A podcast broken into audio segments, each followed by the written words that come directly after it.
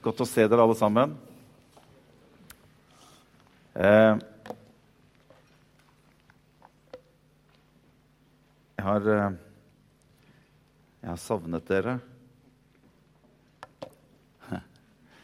Eh, jeg fikk eh, Jeg var i Bergen en tur for, eh, for 14 dager siden og var og talte på et eh, Hva skal vi kalle det for pinsestevne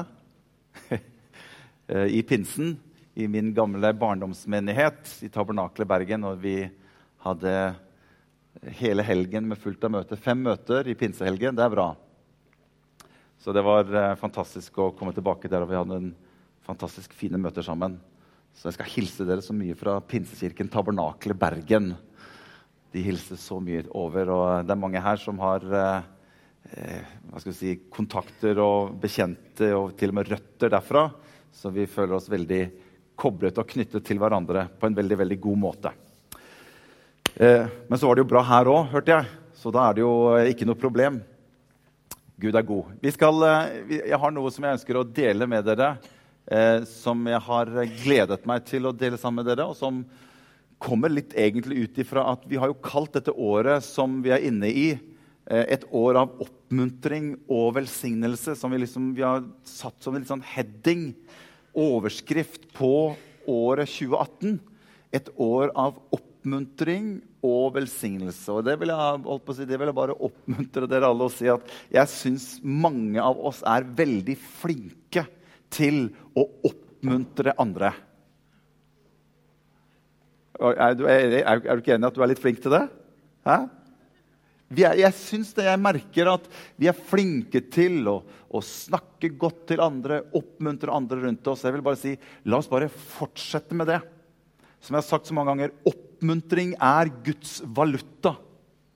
Det er det han bruker til å investere i menneskers liv.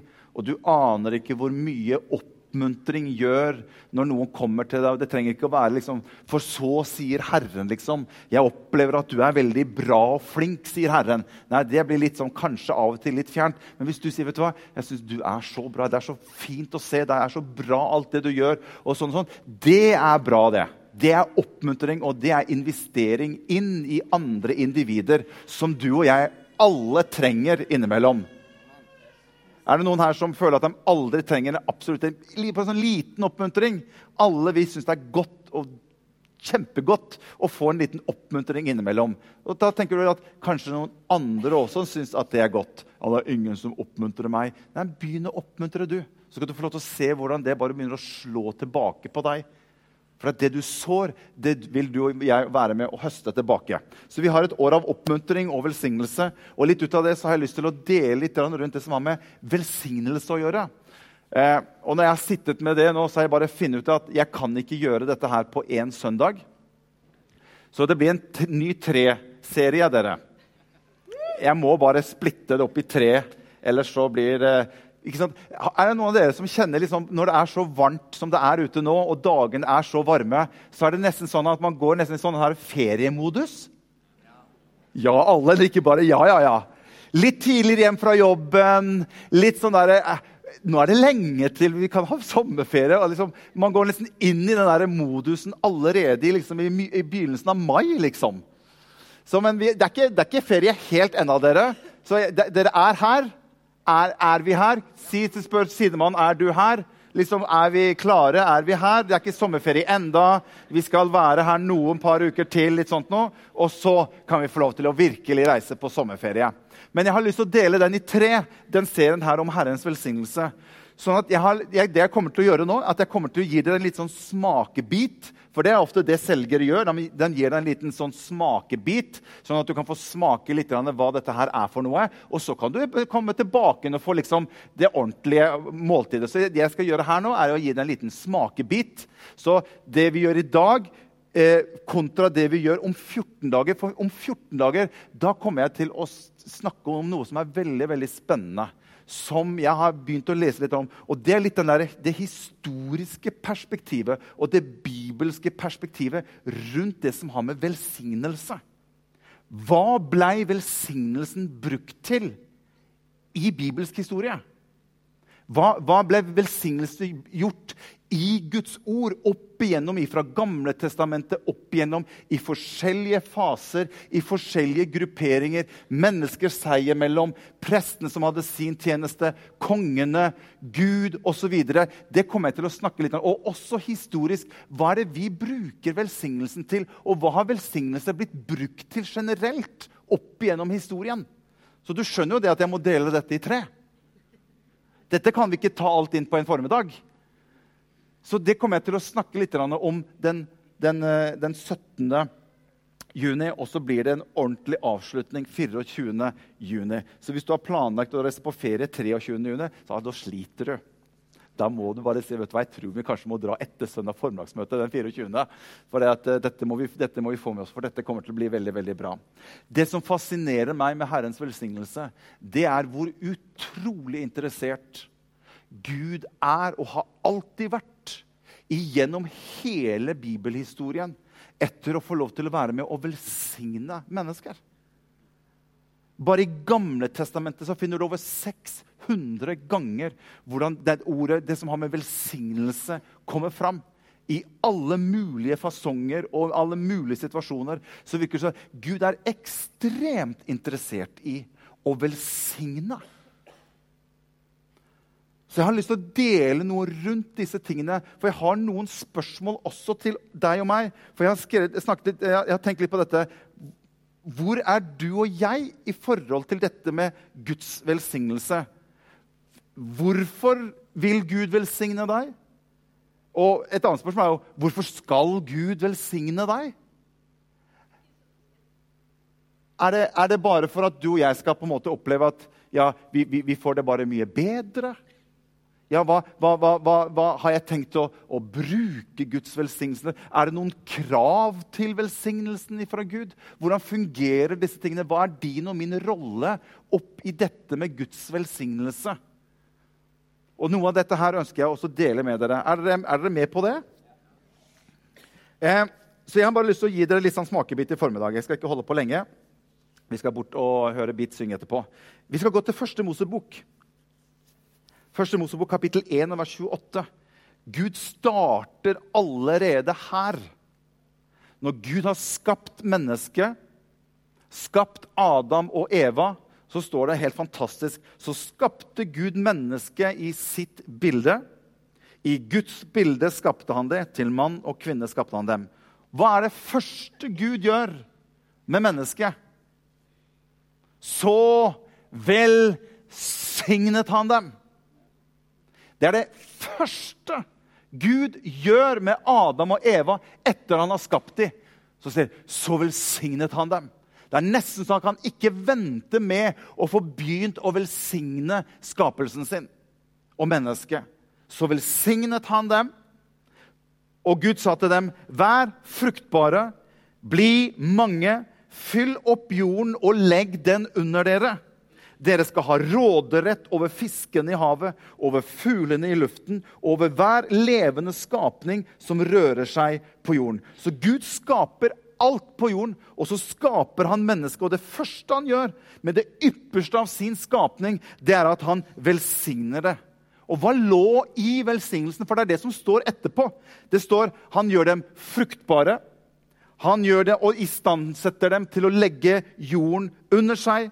Han velsigner dem til å kunne være med og regjere over alt liv som Gud hadde skapt. Det er det som lå i den velsignelsen som Gud gir til mennesket der og da. Går det noen år fram, eh, fra Adam til Noah, så er det 1500 år. Hvis du ser i 1. Mosebok kapittel 9 og vers 1, der står det noe interessant. Akkurat det samme. Og Gud velsignet Noah og hans sønner. Og han sa til dem, vær fruktbare og bli mange, og fyll opp jorden. På nytt igjen så velsigner Gud mennesket. Og han sier akkurat det samme til Noah som han sa til, til, til Adam og Eva. Går du videre til 1. Mosebok kapittel 12 og vers 1, akkurat det samme skjer.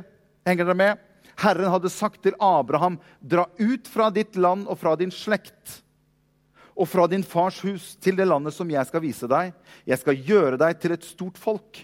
Jeg skal velsigne deg og gjøre ditt navn stort. Og du skal bli til en velsignelse. Jeg skal velsigne dem som velsigner deg, og jeg skal forbanne dem som forbanner deg. Og i deg skal alle slekter på jorden bli velsignet. Merker du at han er ute etter å velsigne? Eller er han ute etter å gjøre noe annet? Det virker for meg som at Gud er ute etter å velsigne. Og gjennom deg, Abraham, skal alle jordens slekter velsignes. Gjennom deg, Abraham. Jeg skal komme tilbake til det som har med Abrahams velsignelse litt senere. For Abrahams velsignelse er en veldig stor og viktig velsignelse som er i Guds ord. Så jeg kommer til å ta tak i den litt senere, men vi skal la den ligge akkurat nå. Men vi kommer til å, å innhente den. Men hva betyr det å være velsignet? Hvis du skulle bruke dine egne ord hadde vi hatt litt tid, så skulle du fått tatt naboen din, så skulle du fått snakket litt med naboen din. Men hvilke ord ville du satt på hvis du skulle definere Guds, hva er Guds velsignelse for noe? Eller kanskje du kunne sagt hva, ville du beskrevet det å være velsignet? Hvilke ord ville du brukt på det?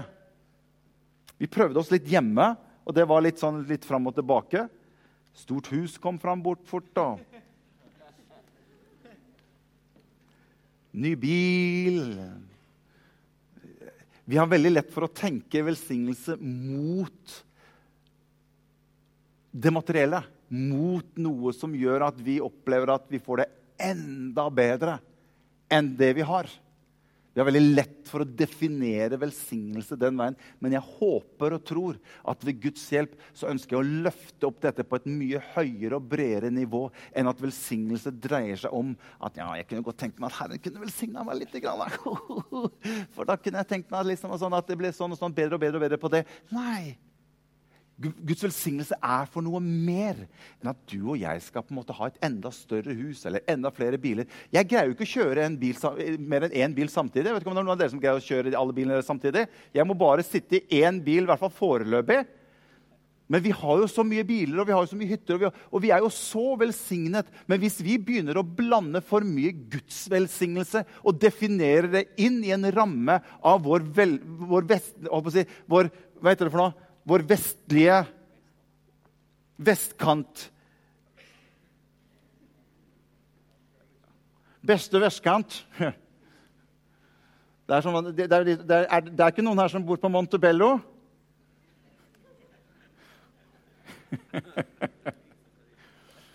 ja, nå har det kommet en bil inne på, inne på Montebello-området vårt som ikke er registrert som en av naboene våre. Det er jo ikke av den klassen som vi er vant med å ha her på Montebello. Husker KLM, eh, hva heter det, Kirkevåg og Mjøen og disse gutta hadde sånne Montebello-vitser. Så jeg har, jeg har, så lang vei til postkassen min at jeg tar Jaguaren min og så kjører jeg og henter posten på morgenen. Det er ordentlig. Da, da bor du ordentlig på vestkanten, altså. Hvis vi definerer Guds velsignelse inn i de parameterne der, så har vi totalt bommet. Og Det er noe av det som jeg ønsker å få til med noen av disse søndagene. Det er å løfte perspektivet på hva Herrens velsignelse er for noe for livene våre. Jeg tror Gud ønsker at vi skal ha det godt, men jeg tror det er mye mer i dette som har med velsignelse, som jeg ønsker at du og jeg skal få tak i. Jeg prøvde å skrive en definisjon selv på hvordan jeg skal forklare det som har med Guds velsignelse å gjøre. Og da har jeg skrevet dette. Du kan, du kan øh, prøve å se om du skjønner hva jeg mener. Jeg har skrevet her Satt til side under Guds innflytelse til fremgang for alle livets områder. Til ånd, sjel og legeme tatt, satt til side. Når du og jeg blir født på ny, så satte oss Gud oss inn i hans rike. Satt til side under Guds innflytelse. Til fremgang på alle livets områder. Til ånd og til sjel og til legeme. Det er det som Paulus skriver til Timoteus. Han sier, 'Jeg ber om at du skal ha det godt og ha framgang i alle ting.' Og du skal være ved god helse, like som din sjel har det godt. Det var det jeg greide å, å definere dette som har med velsignelse litt. Og jeg har lyst til å, i bare formiddag jeg har lyst til å ta utgangspunkt i Jabes bønn. Derfor så går jeg to skritt fram og så kommer jeg til å gå ett skritt tilbake neste gang. Men jeg har lyst til at vi skal ta utgangspunkt i Jabes bønn. Hvor mange av dere er det som har hørt om Jabes bønn før? Ja. Og det er noen som ikke har hørt om Jabes bønn. Da, da blir jo dette her veldig, veldig bra. Men jeg har lyst til å ta utgangspunkt i Jabes bønn. Jeg husker For mange år siden så leste vi en bok som ble veldig populær om Jabes bønn. Og jeg, jeg vil si til deg, Hvis du vet om at den ligger et eller annet sted, eller annen, på loftet, eller et eller annet, ta den fram igjen og les den. Jeg har ikke tatt utgangspunkt i den når jeg har, har delt dette, her, men det er en ikke si forferdelig bra bok, men det er en utrolig bra bok. Så Finn fram den som har med Jabes bønn å gjøre. for Jeg har lyst til å vise dere noe rundt det som har med Jabes bønn. Jabes bønn den finner vi i første krønikebok, kapittel 4. Det som er interessant med dette her med Jabes bønn, det er at du finner den inne i hele kronologen av alle disse menneskene. Og Derfor har jeg lyst til å bare, før vi går inn og leser den teksten i 1. Krønebik kapittel 4 og vers 9 og 10, som er selve Jabes bønn, så har jeg lyst til å bare sette den litt sånn i kontekst, sånn at du ser litt hvor, hvor, hvor, rart egentlig hele oppstillingen rundt dette er her. Så jeg har lyst til at vi skal begynne istedenfor å ta vers 9 og 10, som bare er bønnen, så jeg har lyst til å begynne i vers 1 for å sette litt sånn kontekst rundt dette her. For dette her er, dette her er Guds ord, så dette, dette må vi lese. Er dere med på det? Se her hva som står her. Det er bare for å sette ting litt i kontekst. Judas sønner var Peres, Hesron, Karmi, Hur og Shubal. Reaya, Shubals sønn, fikk sønnen Jahat, og Jahat fikk sønnene Ahu Mai og Lahad. Dette var soratittenes slekter. Dette var sønnene til Etams far, Jisreel, Yishma og Yidbash. Navnet på deres søster var Haslelponi. Vet du hva, det visste jeg ikke, du! Hæ? Altså, Hva man får ut av oss og bare det, det jo, jeg hadde jo ikke peiling på at søsteren hun het Haslel Pony. Og jeg tenkte at hvis det er noen som venter noen barn, det er jo bare å plukke navn her. Her, her, her er det jo masse muligheter. Penuel, Gedors far, og Eser, Hushas far. Disse var sønnene til Hur, den førstefødte til Efrata. Betlehems far Ashkur, far til Tekoa, hadde to koner. Det visste jeg jo heller ikke. Og De het Hela og Nara. Og Naara fødte ham Ahussam, Hefer, Temeni og Ahashtari. Disse var Naras sønner, Helas sønner, var Seret, Jishar og Etnan. Kos ble far til Anud, Hasebeba og slektene til Aharkel, Harums sønn. Utrolig hva man får ut av å lese. Det er jo ikke akkurat den mest inspirerende liksom, bibelteksten man kan lese. Men midt inni dette så dukker det opp et eller annet. Men jeg, bare før vi går dit, så vil jeg bare lese hva som kommer etter vi har vært inne i bønn. Se hva som står i vers 11. Det blir bare bedre og bedre. skjønner du. Kelub, Sjuhas bror, fikk sønnen Mehir, som var far til Eshton. Eshton fikk sønnen Betrafa, Pe Paseak og Tehinna, Irnakash far. Disse var Rekas menn. Kenas sønner var Otnel, og Seraya, Otnels sønner, var Hat. Og hør, og dette bare fortsetter og fortsetter og fortsetter. Og nå har jo vi gått inn i kapittel fire og lest. Dette her er jo om Judas stamme. Dette begynner jo i kapittel 1 og har hele ni kapitler med alle disse navnene. Det er over 500 navn som står der. Og du kan jo tenke deg Når han begynner da med Adam, og så tar han det her er over 3000 år med kronologi. Og han går fra Adam og vet du, De første gutta de levde jo ganske lenge. Så når du går og leser første Mosebok kapittel 1 med Adam, så tar det bare seks kapitler, og så har du 1500 år, for da kommer Noah som neste. For de gutta de levde jo lenge. vet du. Metusalem og disse gutta levde jo 970 år. Hæ? Tenk å leve 970 år. Åssen har året ditt vært i åra? Jo, det har vært ganske godt og jevnt virkeår. Jaha, har det vært greit? Ja, helt greit. Ja, og neste år, da? Jo, vi håper jo at neste år da, altså En ting er som vi her, da, som kanskje lever 70, 80, 90 og noen lever over 100 år. Men når du begynner på nytt århundre, og du har vært og levd i flere århundrer Jeg lurer på hva Ikke hadde de mobiltelefon. Ikke hadde de TV, ikke hadde de Netflix, ikke hadde de mulighet til å reise rundt i verden.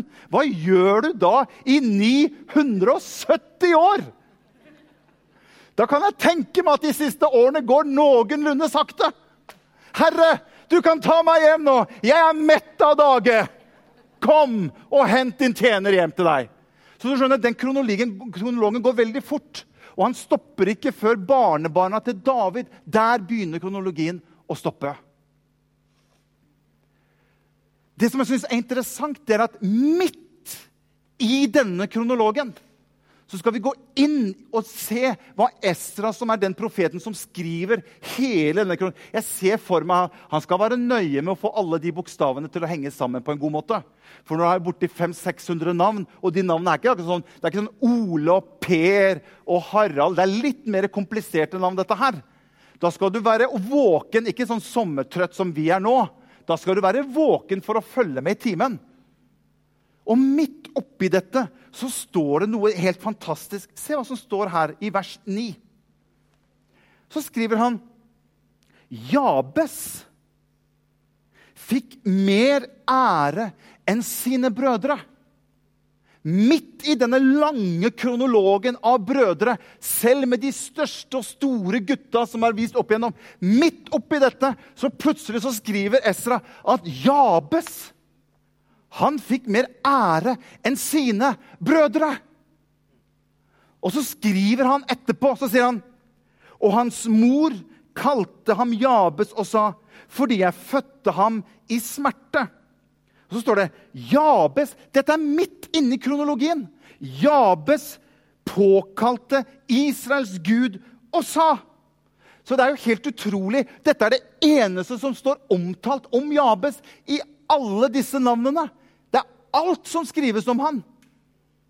Man regner med at det er en by som heter Jabes, som er oppnevnt etter Jabes. For det står at de, de regner med at han ble så velsignet og så rik at de oppkalte en hel by etter Jabes. Men dette er det eneste som står. Og så sier, skriver Estra om hva Jabes gjør. Jabes påkalte Israels gud og sa Å, om du bare ville velsigne meg og utvide grensene mine, må din hånd være med meg, og må du holde meg borte fra ondt, så jeg kan unngå smerte. Og så står det Så ga Gud ham det han ba om. Dette har han bare plassert midt inni alle denne rekken av navn.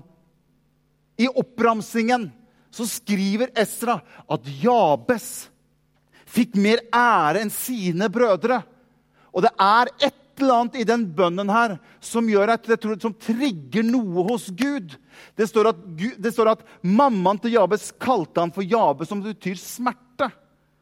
For jeg har født ham med smerte. Men jeg leste født ham med smerte. Det er vel et par andre stykker også som har født barna sine med smerte? Så det er vel ikke helt unikt. Men du skal få lov til å se noe etterpå her. Har jeg lyst til å vise deg litt rundt det som har med Jabes bønn å gjøre. Skal jeg lese den en gang til, så du får den med deg? Jabes påkalte Israels gud og sa, Å, om du bare ville velsigne meg og utvide grensene mine. Må din hånd være med meg, og må du holde meg borte fra ondt, så jeg kan unngå smerte. Så ga Gud ham det han ba om. Jeg tror, Når jeg leser det som har med Guds velsignelse å gjøre, jeg tror det er en kombinasjon her av at Gud ønsker å velsigne, og at du og jeg ber han om det. Jeg tror det er noe av det som, Når jeg var litt i bønn på dette, så, så opplevde jeg noe som at Herren viste meg noe. Det står at mens vi enda var syndere, står det. Husker dere det? Så døde Jesus for oss. Altså mens vi enda var syndere. Men jeg var ikke født på ny. Men jeg kom til han. Og så står det at hvis du med ditt hjerte tror, og du med din munn bekjenner, så skjer det et eller annet. Og jeg tror at noe av Guds velsignelse, hans ønske er å velsigne, hans ønske er å frelse. Men jeg tror det er en nøkkel i det å komme inn for Gud, og som Jabe sier, 'Herre, velsign meg'. Og Jeg har lyst til å vise deg den Jabe som jeg har delt den opp i tre deler. og jeg har lyst til å vi, nei, fire deler, og jeg har lyst til å vise deg at Vi kan jo tenke ja, men er ikke det veldig egoistisk, da? Å spørre Gud liksom, velsign meg. Jo, vi med litt sånn jantelov her i, i, i, der hvor vi bor, vi kan litt sånn fort tenke sånn Nei, Vi kan ikke be Herren om å velsigne meg. Det vil jeg føle er litt sånn, det er litt sånn egosentrisk. Det er litt, det er litt sånn at jeg skal liksom som få. Er det noen av dere som kanskje har tenkt at det er litt sånn Men når jeg, når jeg tenker etter Du verden hvor flinke vi uansett er, om det er Gud som velsigner oss, eller vi velsigner oss sjøl. Du verden hvor flinke vi er til å åpne opp for at vi kan ha det godt. Så det er, ikke, det jo ikke det at ikke vi kan unne oss både det ene og det andre her i livet. Men det har, det har sneket seg kanskje inn en tanke om at nei, men du skjønner, du skal ikke be Gud om å velsigne deg. For det, det, blir litt sånn egosent. det blir litt sånn, eh, Jeg skal vise deg noe her det er stikk motsatt. Skjønner, Guds velsignelse den har alltid et mål. Når Jabes sier 'Å, om du bare ville velsigne meg', så er det ikke en egoistisk bønn. For Guds vilje og ønske å velsigne deg og meg, det er for han ønsker at du og jeg skal bli til en velsignelse. Og være til en velsignelse. Det er den største forskjellen på verdens måte å velsigne på og Guds måte å velsigne på. Guds velsignelse har alltid en mulighet til at det kan få lov til å treffe andre mennesker igjennom mitt liv. Og Det er derfor Gud ønsker å velsigne.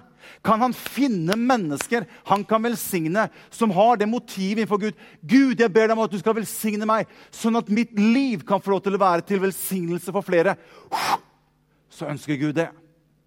Uansett hva det skulle være her i livet, så ønsker Gud å velsigne deg og meg, så hans velsignelse kan flyte gjennom mitt liv til andre mennesker rundt meg.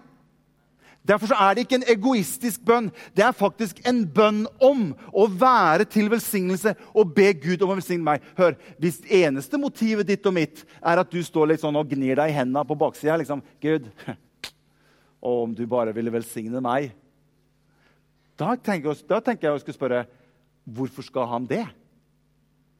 Hvis motivet ditt og mitt er bare at jeg skal få det bedre enn det jeg har det i dag hvis ikke det har noe med hans rike å gjøre, hvis ikke det har noe med hans vilje å gjøre, hans plan å gjøre, hvorfor skal jeg be om Guds velsignelse da? Henger du med? Så Jabes han sier til Gud, 'Å, om du ville velsigne meg.' Og Så går han videre og så sier han, 'Å utvide grensene mine', sier han. Hva er grensene mine for noe? Jo, det kan være mitt, på, på grunnteksten så står det 'å utvide mitt territorium'. Utvide mitt territorium. Territoriet, det er innflytelse. Utvid mine grenser. Det kan være der hvor du opererer innunder i dag. Det kan være til og med være de grensene som du tenker at nei, dette kan jeg få til, men jeg greier aldri å få til noe sånt. Noe, for jeg er ikke så flink til det, eller jeg kan ikke sånt, eller jeg kommer aldri til å kunne greie å gjøre det. Hør, Når du ber Gud om å utvide dine grenser, så kan Gud sprenge noe i ditt og mitt liv som gjør at vi kan gå utover han som er i stand til å gjøre langt utover. Det er jo det Jabes Gud, jeg trenger at du kan være med å utvide mitt territorium, slik at min innflytelse kan få lov til å nå enda flere. Og dermed din innflytelse i mitt liv gjør at jeg får større innflytelse for ditt rikes skyld gjennom mitt liv. Amen? Du har ikke sovna enda? Når mine grenser utvides, hør, blir Gud større. Min villighet pluss Guds mulighet er å utvide mine grenser. Jeg stiller meg villig til Gud. Gud, utvid mine grenser. Utvid mitt territorium. Se hva som står i, Filipp, i Filipperne kapittel 2, vers 13. For det er Gud som virker i dere både å ville og virke for hans gode vilje. Amen. Så Gud ønsker å jobbe gjennom mitt liv. Han ønsker å utvide mine grenser, så hans rike kan bli enda større gjennom mitt liv. Det tredje Jabes sier, skal gå snart til, til landing. Det tredje Jabes spør om, så sier han, må din hånd være med meg. Jeg trenger Guds hånd. I Apostelens gjerninger 11.21 der står det Og Herrens hånd var med dem og et stort antall kom til tro og vendte seg til Herren. Jave sier, 'Må din hånd være med meg.' Jeg trenger din kraft, Gud. Når du velsigner meg, når du utvider territoriet mitt, så trenger jeg din ånd og din hånd, din salvelse og din kraft over meg. Det er jo det Jabes ber om. Jeg får ikke til dette her i egen kraft. Din kraft må hvile over meg, Herre. Din ånd og din hånd må hvile over meg, slik at jeg kan gjøre det du har kalt meg til å gjøre. Og det siste punktet som han sier, det er Og må du holde meg borte fra ondt. Hæ. Når Gud begynner å velsigne deg og Gud begynner å bruke deg og meg, så vil det alltid følge fristelse med det. Den onde vil alltid prøve å ønske å friste deg og meg på hva som helst for å få deg og meg ut av balanse. Og det er det Jabes vet. Altså Hvis du velsigner meg, hvis du utvider grensene mine, hvis din hånd og din ånd begynner å virke over meg og gjennom meg Herre, hold meg borte fra det onde. Hjelp meg så ikke det får lov til å ta tak i meg og ødelegge det som du ønsker å gjøre gjennom livet mitt. Hør. Syndens lønn, sier Bibelen, er døden. Synd vil alltid ha en konsekvens. Selv om du og jeg er rettferdige for Gud, og vi faller, så hør, så er det ikke sånn at Gud tar bort konsekvensen av det gale jeg har gjort. Nei, nei, nei. Syndens lønn, sier Bibelen, den har alltid en frukt. Syndens lønn er død. Den onde har kommet for å stjele, for å myrde og for å ødelegge. Så hvis jeg driver med synd, så kommer det en frukt av den synden som jeg må betale. For syndens lønn er Derfor har Gud aldri fritatt meg ifra konsekvens av synd, selv om han har rettferdiggjort meg i Kristus. Ser du forskjellen? Derfor sier Jabes at Herre, du må hjelpe meg og holde meg borte slik at ikke synd, slik at ikke det onde får lov til å ødelegge det som du ønsker å gjøre igjennom mitt liv. Og det her er så utrolig viktig at du og jeg får med oss. Og så sier han helt til slutt så jeg kan unngå smerte, sier Jabes. Mammaen hadde sagt, og kalt han Jabes for smerte. Og Jabes ønsket ikke å gå rundt og være et bilde på smerte. Han ønsket å være et bilde på velsignelse. Det motsatte av velsignelse er smerte. Motsatt av smerte, det er Guds velsignelse. Sånn at jeg unngår smerte. Jeg ønsker ikke å være det som forårsaker smerte i menneskers liv. Jeg ønsker ikke å være det som forårsaker ondt i menneskers liv. Herre, velsign meg, og la det få lov til å bære godt med seg. Se den siste, siste sliden. Dette er egentlig en fantastisk et fantastisk mønster på den Jabes bønn. Det første han sier, 'Å, om du kan velsigne meg', hva er det han ber om? Han ber om guddommelig innflytelse. Å utvide mine grenser. Guds rettledning, veiledning. La din hånd hvile over meg. Guddommelig innflytelse. Og hold meg borte fra det onde. Guddommelig beskyttelse. Dette er det som ligger i Jabes bønn, ut ifra at han ber Herren om å velsigne ham. Kan vi ikke stå opp på våre føtter, alle sammen? Jeg syns dette er en fantastisk bønn som ligger midt inni hele denne rekken av navn som nevnes. Og Gud ønsker å velsigne deg og meg. Å be Herren om å velsigne deg er ikke noe egoistisk bønn.